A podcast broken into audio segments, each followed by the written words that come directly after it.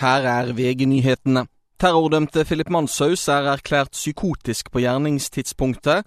Nye sakkyndige har vurdert Manshaus, som i 2019 ble dømt til 21 års forvaring for drap på sin søster og angrep mot en moské.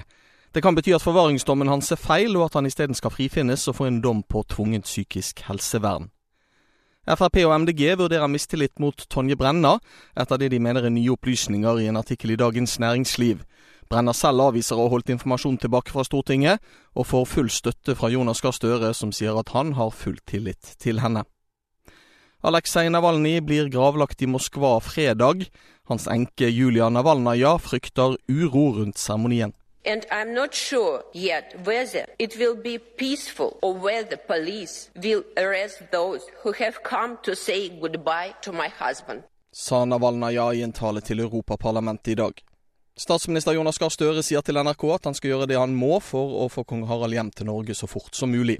Kongen er innlagt på sykehus i Malaysia med en infeksjon.